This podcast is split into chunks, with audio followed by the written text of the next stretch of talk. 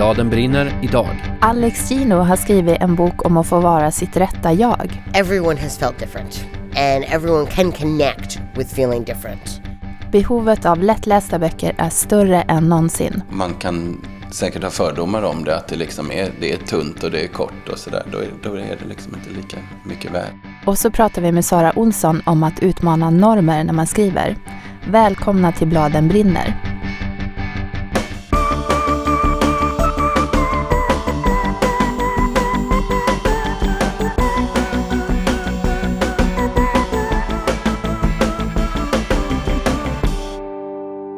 Vi bestämde oss för att dra igång den här podden så var det ju bland annat för att vi saknade ett samtal om barn och ungdomsböcker. Vi vill ju lite att folk ska prata om de här böckerna ungefär lika naturligt och ofta som de pratar om eh, bostadspriser till exempel. Eller väder för den delen. Snökaos. Ja. och dit har vi ju kanske en liten, liten bit kvar. Men det som har hänt är ju i alla fall att det har blivit, att vi har fått väldigt mycket respons och att ibland har det blivit så här vidare diskussioner i kommentarsfält och så. Ja, och vill man kommentera så är det antingen Facebook eller Instagram Mm. som gäller. Man kan se det som en uppmaning. Vi älskar de här diskussionerna. Det är jätteroligt, man behöver definitivt inte hålla med oss. Eh, en av diskussionerna som har uppstått kom efter avsnitt tre och det ska vi spinna vidare på idag. Jag är spänd på om jag kommer att ändra åsikt eller om jag kommer tycka som vanligt. Jag heter Johanna Lindbäck. Och jag heter Lisa Bjärbo.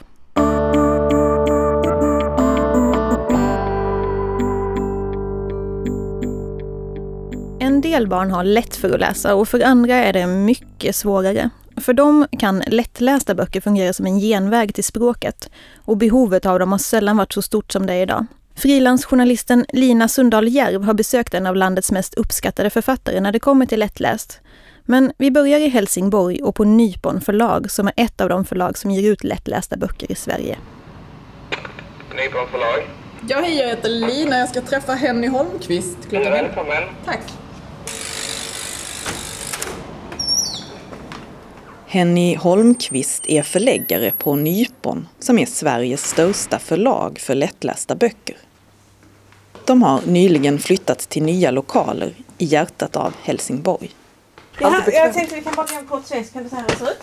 Så här har vi vårt kök och här har vi vår matsal. Jag måste visa runt för vi är så himla stolta för att vi sitter så fint nu.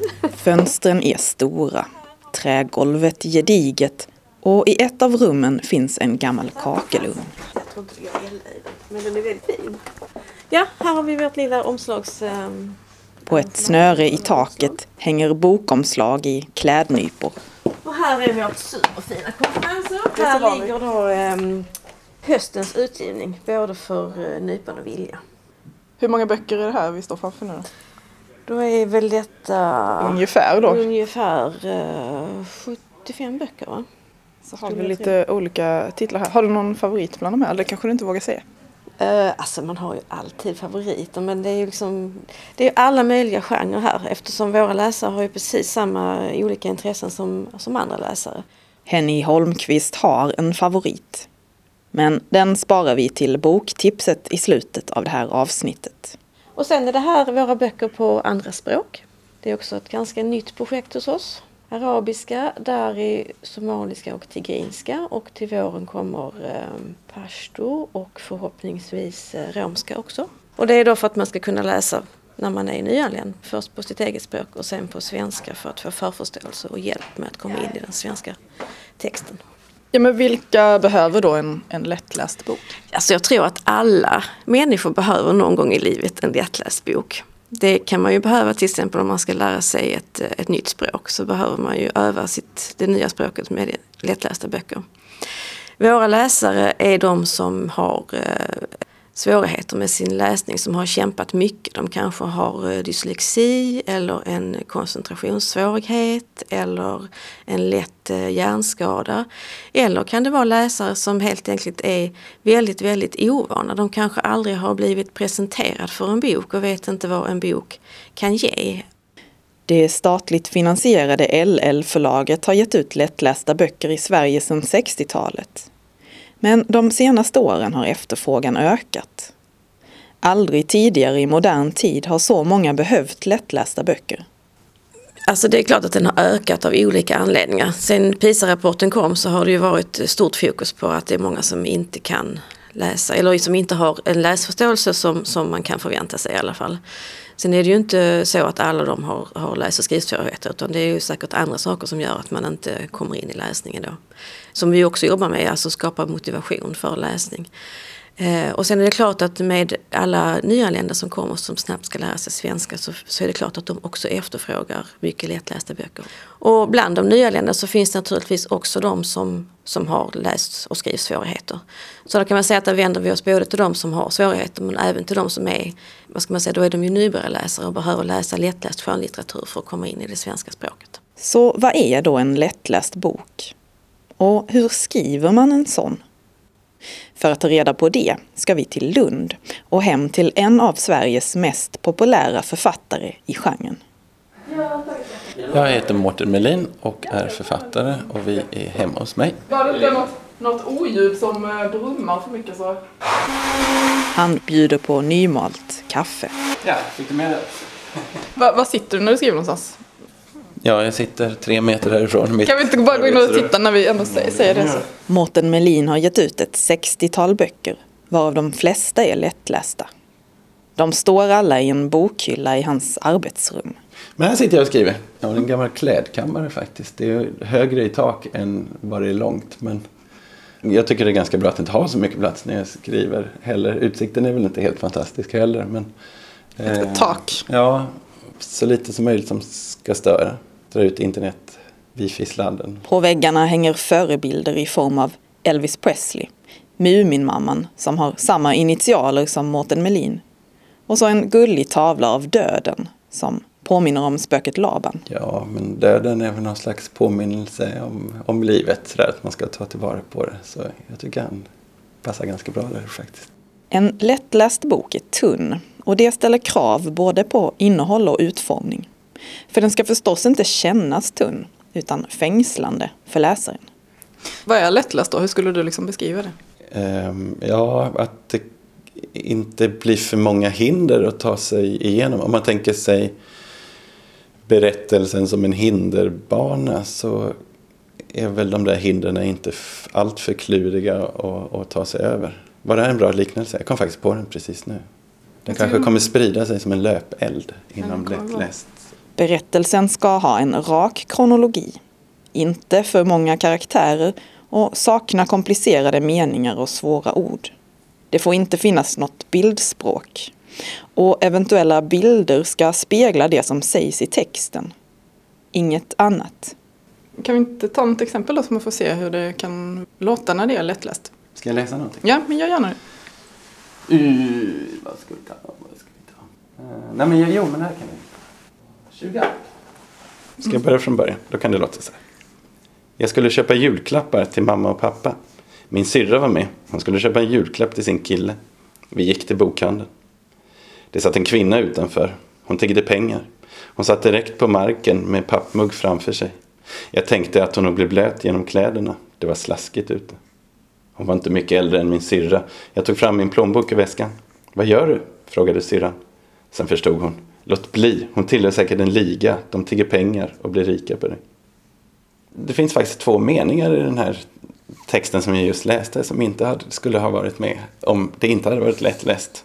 För det kan vara klurigt det här att läsa mellan raderna som man gör i, i en, i en eh, vanlig text. Så när det står det satt en kvinna utanför, hon tiggde pengar. Så hade jag inte skrivit hon tiggde pengar om det inte hade varit lättläst. För det förstår man ju i alla fall. Vi förstår ju det. Om det sitter en kvinna med en pappmugg framför sig utanför en affär så förstår vi att hon sitter och tigger pengar. Men det kanske blir för, det blir för långa tankesteg för en del läsare tror jag. Just Och det kommer en till här också. Jag tänkte att hon nog blev blöt genom kläderna. Och så kommer fortsättningsmeningen. Det var slaskigt ute. Ibland när jag läser den här i skolklasser så hoppar jag faktiskt över de här två meningarna. Ja, för du har satt det inom parentes Ja. just den här, det var slaskigt ute. Ska vi gå och dricka kaffe Det innan? kan vi. Mårten Melins lättlästa bana började med en refuserad diktsamling. Dikter säljer ju ing, in, ingenting. Så den har väl liggande i byrålådan ett par år. Och eh, sen såg jag en annons från Hegas förlag där de ville ha lättlästa manus. Och då skickade jag in diktboken och skrev, jag har ingen aning om om det här är lättläst eller inte, men eh, vill ni ge ut det? Och det ville de. Att han sen fortsatt beror dels på att han gillar det korta formatet. Men sen har det också blivit så att jag besöker skolor och inser att de här böckerna behövs. Särskilt när jag besöker särskolan, för de, hade ju, de här eleverna hade aldrig läst en bok om mig om de inte hade haft, haft de här lättlästa böckerna. Så varje gång det är någon som säger att oj, nu finns det lite väl mycket lättläst, så har de aldrig varit i särskolan och sett de här eleverna. För det händer ibland att lättläst får kritik just för att det är lättläst. Att barn som kan läsa en mer avancerad bok väljer en lättläst för att det går fortare. Nu finns det lättlästa böcker, då nöjer sig eleverna med dem och kommer liksom inte vidare i läsningen. Men det problemet fanns ju innan lättläst också, att man kanske tog en bok som var för yngre barn. Och jag menar vadå, vi läser väl inte Dostojevskij hela tiden heller? År 2012 nominerades Mårten Melins diktsamling Jag är världen till Augustpriset. Som den första lättlästa boken någonsin. Men det har inte höjt genrens status. Hur kreddigt är det att skriva lättläst liksom i eh, författarsammanhang? Ja, men det är så okreddigt att skriva barnböcker överhuvudtaget. Det som är bra med att det är okreddigt att skriva barnböcker det är att ingen bryr sig om vad man skriver. Så man kan skriva vad som helst. Man får ändå inga recensioner på böckerna. Är det bra? jag vet inte, jo men kanske. Vi pratade om det igår, men att det är lite så här underdog att skriva barn och ungdomslitteratur. Men är det liksom ännu mindre uppmärksamhet på eh, lättlästa böcker? Jo, det är det nog. Ja, jo, det är det. Och varför tror du att det är så? Jag, jag, tror delvis det kan vara att man inte riktigt förstår vad det är för någonting. Och man kan säkert ha fördomar om det, att det, liksom är, det är tunt och det är kort och sådär. Då, är, då är det liksom inte lika mycket värt. Och det här var väl ingenting och det här kan ju vem som helst göra. Men det kan de ju inte. Med det lämnar vi Mårten Melin och tar oss tillbaka till Helsingborg och förläggaren Henny Holmqvist. För henne handlar lättläst om allas rätt till ett språk. Alltså att ha ett språk och kunna kommunicera med varandra. Det tycker väl de allra flesta att det är jätteviktigt. Alla som, som kan läsa och inte har något problem tar kanske det här för givet på något sätt. Men vi läser ju en massa saker hela tiden. Alltså, dels läser man en massa samhällsinformation såklart som är viktig. Men tidtabeller och kvitton i affären och um, skyltar på gatan. Alltså det finns ju en massa situationer där, där vi nästan liksom förutsätter att alla kan läsa. Så av den anledningen är det ju viktigt. Sen kan man, ta, man kan ju dra det längre och säga att det är liksom en demokratisk fråga. Att man för att kunna bli en, en medborgare som, i en demokrati som både kan ta ansvar och ha rättigheter så, så behöver man ha ett språk och man behöver kunna läsa. Det här inslaget gjordes av Lina Sundal Järv på Blenda Journalistik.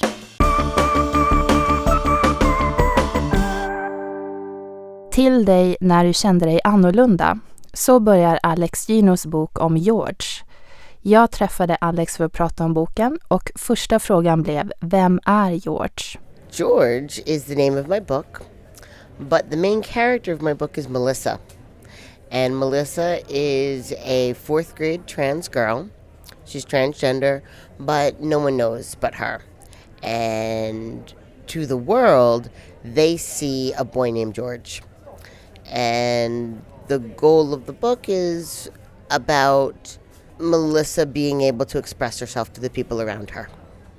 So, Melissa wants to play Charlotte in her school's play of Charlotte's Web by E.B. White, which is an American classic book that a lot of children have read and um, she tries out for the role of a female spider, and the teacher says she can't have the role because she's a boy.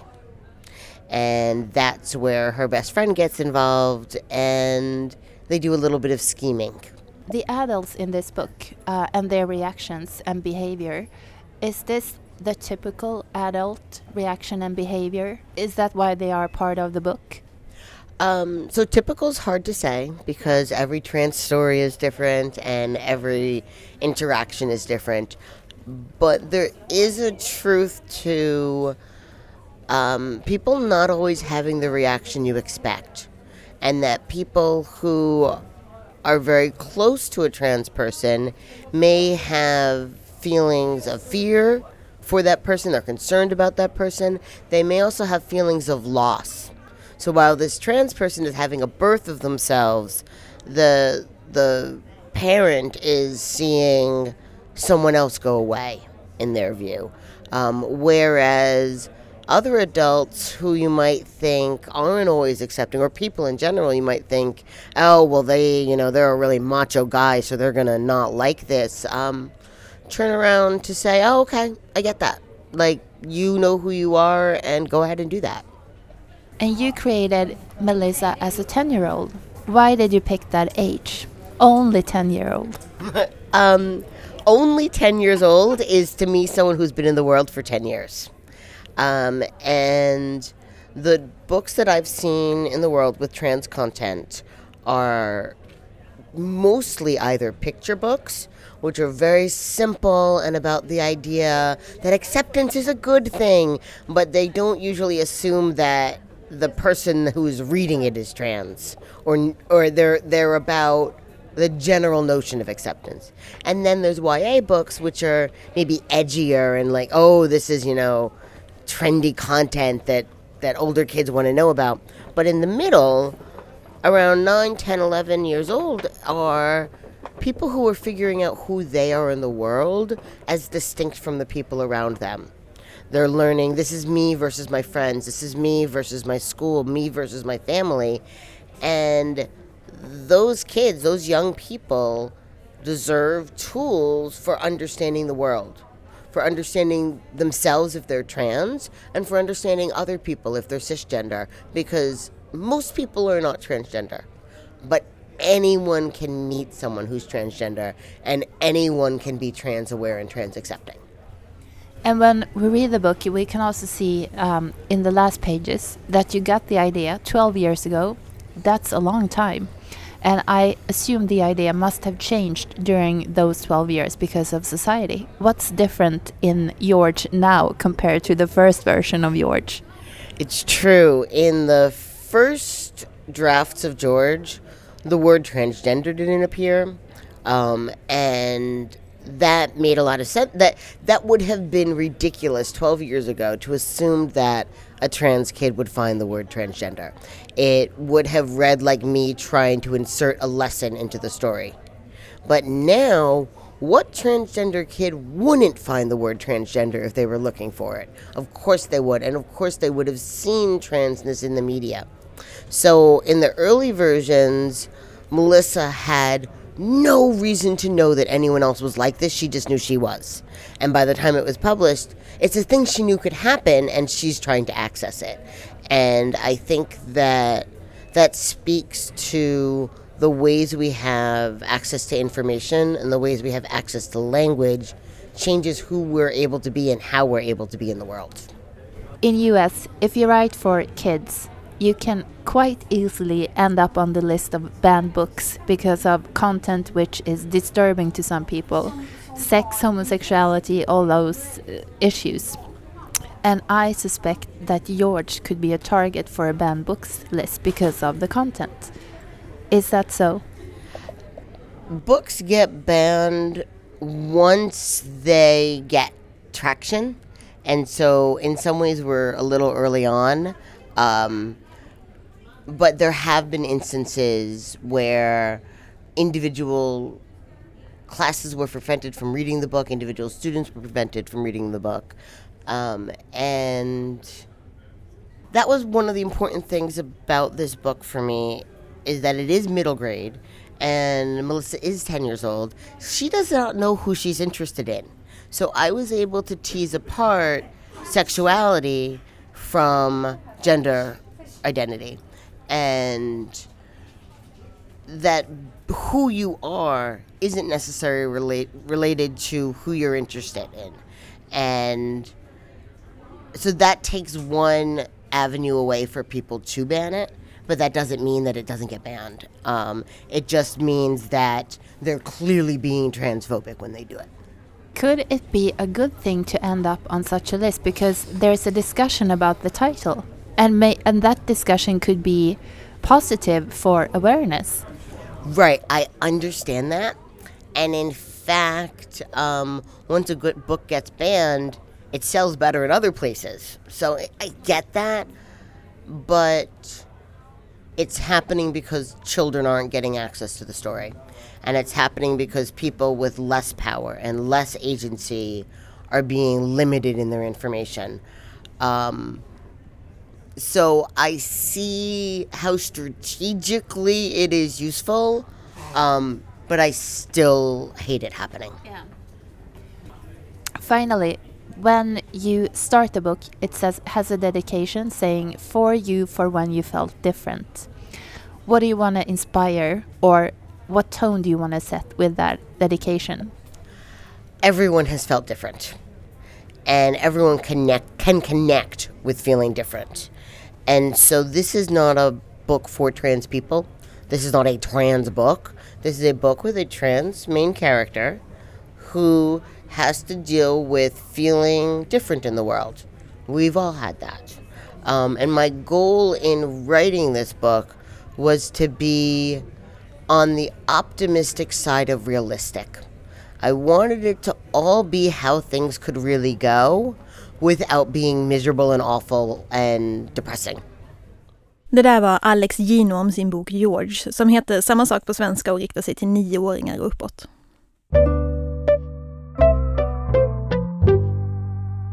Och nu ska vi tillbaka till det här ämnet från avsnitt tre. Det som handlade om killkompisar. Precis. Ja, då diskuterar vi om en heterosexuell tjej kan vara väldigt fysisk och jättenära sin killkompis som är en heterosexuell kille och att det här bara kan få vara vänskap utan att det blir något annat knöl eller krångel. Jag och Lisa var ju då lite skeptiska. Eh, så att vi hade läst tre ungdomsböcker som har kommit ut under hösten och vi tyckte inte riktigt att de var trovärdiga. Och det är det här vi har tänkt vidare på nu. Eh, många som lyssnade på den diskussionen höll ju med oss men det var också många som lyssnade på den som absolut inte höll med oss. Och en av dem var författaren Sara Olsson som har skrivit en av de här böckerna som vi tog upp, Ingen normal står i regnet och sjunger. Hej Sara! Hej! Vad var det du inte höll med om? Jag höll inte med om att det är så svart och vitt, skulle jag vilja säga. Jag tror inte att det är orealistiskt. Att en Eller... tjej och en kille är så nära kompisar? Precis. Nej, men jag tycker att det är intressant hur, att vi vill så boxa in saker lite. Så här, så här ser vänskap ut, så här ser kärlek ut, så här ser sexualitet ut och det kanske hänger ihop med kärlek och det hänger ihop med vänskap och sådär. Och i min verklighet så är det inte så svart eller vitt och så tvärsäkra gränser. Och, och om man inte, jag skulle säga om man har en vänskapsrelation och känner någon typ av andra känslor än det här är en person jag bara vill krama eller bara vill prata med. Betyder det då att vänskapen försvinner och att det naturligtvis måste bli kludd eller att det ens behöver gå över till en annan slags relation. Jag tänker att det är så här, vi individer, alla individer i alla relationer är unika. Jag tror inte att det är en snopp eller snippa som är hindret eller den stora skillnaden på vilken slags relation man kan ha till en annan person. Eh, tror du det, Johanna? Tyvärr tror jag ju att det är mycket hinder på grund av det. Eh, och att, obs nu att vi alltså igen pratar om heterosexuella människor. Exakt. Jag tänker att man kan vara väldigt nära kompis med en kille men att eh, det för mig blir det där oj, jag är så nära, nu är jag förälskad. Det är det som bara dyker upp och då är det ju inte vänskap. Fast det här är ju, det är ju jätteintressant för nu säger du för mig och jag. Och det är, det är ju helt, säkert helt korrekt. Men att det sen blir för alla eller för att det är det vanliga, det är inte samma sak. Mm. Alla så människor har rätt att vara individer och har rätt att ha den typen av relationer, alla typer av relationer oavsett vad de har för sexualitet eller vad vi har. Oavsett, alltså så här, vi är individer. Vilken individ är det som bestämmer vad som är orealistiskt eller vad som är ja, normen? Nej, det är ju verkligen sant. Ehm, det vi kanske egentligen borde ha sagt är ju inte att boken är orealistisk eller vänskapsskildringen är orealistisk. Men att det var vi som läsare som var så inprogrammerade på det här så att vi liksom hakade upp oss, att det störde vår läsning. För det var ju det som hände att liksom på sidan två när man märkte att Ella och Charlie var de här typen av kompisarna så började jag ju redan fundera där på när ska det gå åt helvete? När ska det hända? När ska han säga att han är kär i henne? När ska hon säga att hon vill hångla med honom? Och att jag liksom, det störde mig så mycket i läsningen att jag tänkte så. Eh, det betyder ju kanske inte att vänskapsskildringen är orealistisk utan det betyder att att, att, att du inte är, känner igen dig? Ja. Eller ja, vad du har sett runt omkring ja, men dig? Alltså också som vi pratade om att eh, det här är ju, det är inte bara vi som har upplevt det här utan det är många med oss som har upplevt det här. Så det är inte bara som åh jag är jätteunik i den här tolkningen utan det är ju en masstolkning att det här blir ett problem. Det kan bli svårt att hålla en vänskapsbalans och inte glida över i någonting annat. Eh, så även om jag nu gör den här tolkningen så känner jag inte bara, åh gud, jag är superovanlig. Inte i det här fallet. Här tycker jag att jag är jättevanlig. Men det är det som, det är precis det här, den reaktionen och den känslan som bekräftar för mig varför man behöver berätta den där historien. Mm. Varför det är viktigt att att berätta att så här, det här är en historia, den är lika verklig. Eller den skulle kunna vara lika vanlig eller vad man nu eftersträvar. Alltså om man ska börja prata om orealism eller så här i relation till normer så, så tycker jag att det också finns en, en aspekt som handlar om så här, men vi skriver ju skönlitterärt. Hur stort, hur, så här, vad, det som är magiskt med att skriva skönlitterärt är ju att man kan skruva lite på verkligheten. Mm. Man kan så här, göra alla pappor till pannkakspappor fastän det inte är pannkakspappor i hela Sverige eller hela världen hela tiden. Men för att man skulle tycka, man tycker att, att det är viktigt att säga det eller viktigt att så här, men det skulle, så här skulle verkligheten kunna vara utan att så här, världen ramlar sönder och blir katastrof. Liksom. Så um, ja, och jag tycker, tycker om att skruva lite.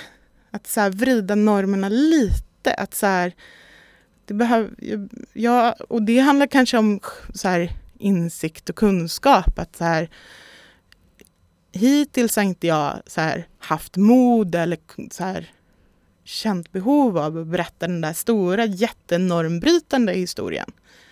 Men i det lilla, för jag tror att det spelar så stor roll. Men jag tänker till exempel på den här boken av David Levitan som heter Ibland bara måste man. Den har ni båda läst. I alla fall jag. Ja, ja har du läst ja. den? Ja. Eh, för där är ju en high school, nu var det himla länge sedan jag läste, men det är en high school där eh, är det så att alla är det är inte så att alla är gay men det är väldigt den här... Det otroligt stor del eh, personer där som är hbtq-personer på ja. något vis. och liksom... till exempel fotbollsspelarna är gay och vanligtvis är det ju inte så att det är de som går i bräschen för, eh, för det. Och det är liksom helt upp och ner hur, man, hur de behandlas och hur man ser på dem. Och den boken är ju, även om den nu är ganska gammal, så är den fortfarande väldigt orealistisk. För så är det ju inte på amerikanska high schools att de har nått så långt i sitt värdegrundsarbete i de här frågorna. Den är jätteinspirerande men man känner bara åh, gud vad härligt men det här kommer ju att dröja länge. Men det är ju också en uttalad sak från David Levitan att han har sagt att jag skriver den världen som jag vill någon gång ska kunna bli mm. verklig och det här är liksom min chans att påverka. Jag får det till att han ser det som ett ansvar som författare har nästan att ta den chansen och skruva på så många normer man kan för mm. att påverka världen i rätt riktning som man själv tycker då. Håller du med om det Sara? Är det så du ser det också, att det är liksom som ett ansvar nästan? Jag tänker att som författare så har man ett självpåtaget ansvar. Alltså, jag tycker inte att så här, nu ska vi alla som skriver skönlitterärt för barn och unga ska så här, ta ansvar för att vrida normerna åt ett bättre håll. Det tycker jag inte. Det är så här, men däremot um, så, så tycker, känner jag personligen att om jag inte om jag inte vill säga någonting mer än att bara beskriva det jag ser framför mig eller det jag kan så här, om jag håller mig för mycket till att så här, det här är det vanligaste. Eh, då berättar jag inget nytt. Mm. Då, vad, vad är det så här, vad bygger jag vidare på då? Vad är det så här, någonstans vill jag ändå se mitt författarskap eller nästan, ja men det mesta så, så här, ja, men, jo, författarskap får man säga. Mm. Ja, ja, varsågod.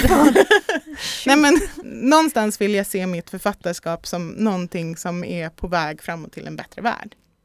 Men, men, men jag, tänker, jag tänker på en annan sak också och det är ju skillnaden mellan eh, vanligt, realistiskt och vad jag har upplevt. För de tre sakerna är väldigt lätt att blanda ihop. Mm. Jag har inte upplevt det här, alltså jag känner inte igen den här saken, då blir det orealistiskt eller då är det ovanligt. Och så är det ju inte. Så här, min värld är ju jätteliten. Nej gud, det hade ju varit astråkigt om det bara hade varit min värld som var helt sann och det aldrig kunde vara på något annat sätt. Vi tyckte bara här att vi hade hela populärkulturen på vår sida. Ja, men populärkulturen är ju en stor del av lömsk. Bildande. Det är ju verkligen så att liksom, jag tror mycket väl att det kan vara så att om jag eh, i min fantasivärld ligger där och sover sked med min jättenära killkompis så är det ju förmodligen eh, normer från populärkulturen just som planterar den där tanken i huvudet på mig att ja, vi kanske också borde vara ihop nu. För att man har sett en miljard romantiska komedier där det har hänt eller läst en miljard böcker där det har hänt och så. Eh, och det finns ju verkligen en poäng med att bredda det utbudet att visa att det behöver inte alls ske. Du kan också tänka som i den här boken. Eh, Som Ella och Charlie. Mm. Mm. Jag nickar, för jag vågar inte säga ja. Jag spelar in ljud.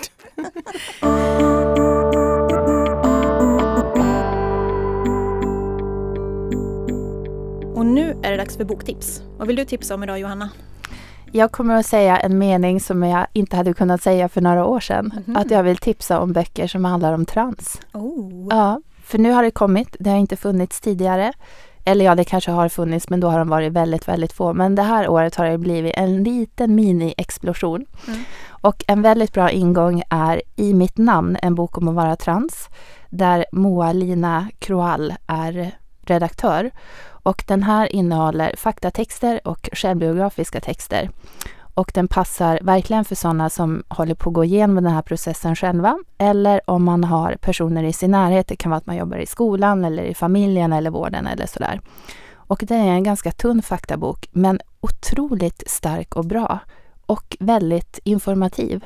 Visst har du också läst Jag den? har också läst den, jag tycker den är skitbra. Jag tycker inte heller att den bara passar till sådana som har transpersoner i sin närhet utan att alla borde läsa den. Ja, verkligen. Men man tänker att på vissa ställen är det väldigt viktigt med ett bemötande. Ja, verkligen. Ja, och det var därför jag sa skola, vård och omsorg, det ständiga. Eh, men den är väldigt bra. Och sen finns det skönlitteratur också, jag ska bara passa på att lägga till. Och där har vi Brorsan är kung av Jenny Jägerfeld som vi har pratat om tidigare. Och Skarven av Sara Lövestam. Och båda de här är för ålder 9 till 12, men givetvis även uppåt. Ja, precis. Och plus den här George då av Alex Gino som vi pratade om innan. Exakt. Mm. Jag vill tipsa om årets så kallade adventsbok eh, som heter En förtrollad jul och är skriven av Siri Spont och har bilder av Alexander Jansson. Eh, och med adventsbok menar jag att Rabén Sjögren i några år har gett ut en bok kring jul eh, där, som har 24 kapitel och tanken är då att man ska läsa ett kapitel om dagen så det blir som en adventskalender fast i bokform.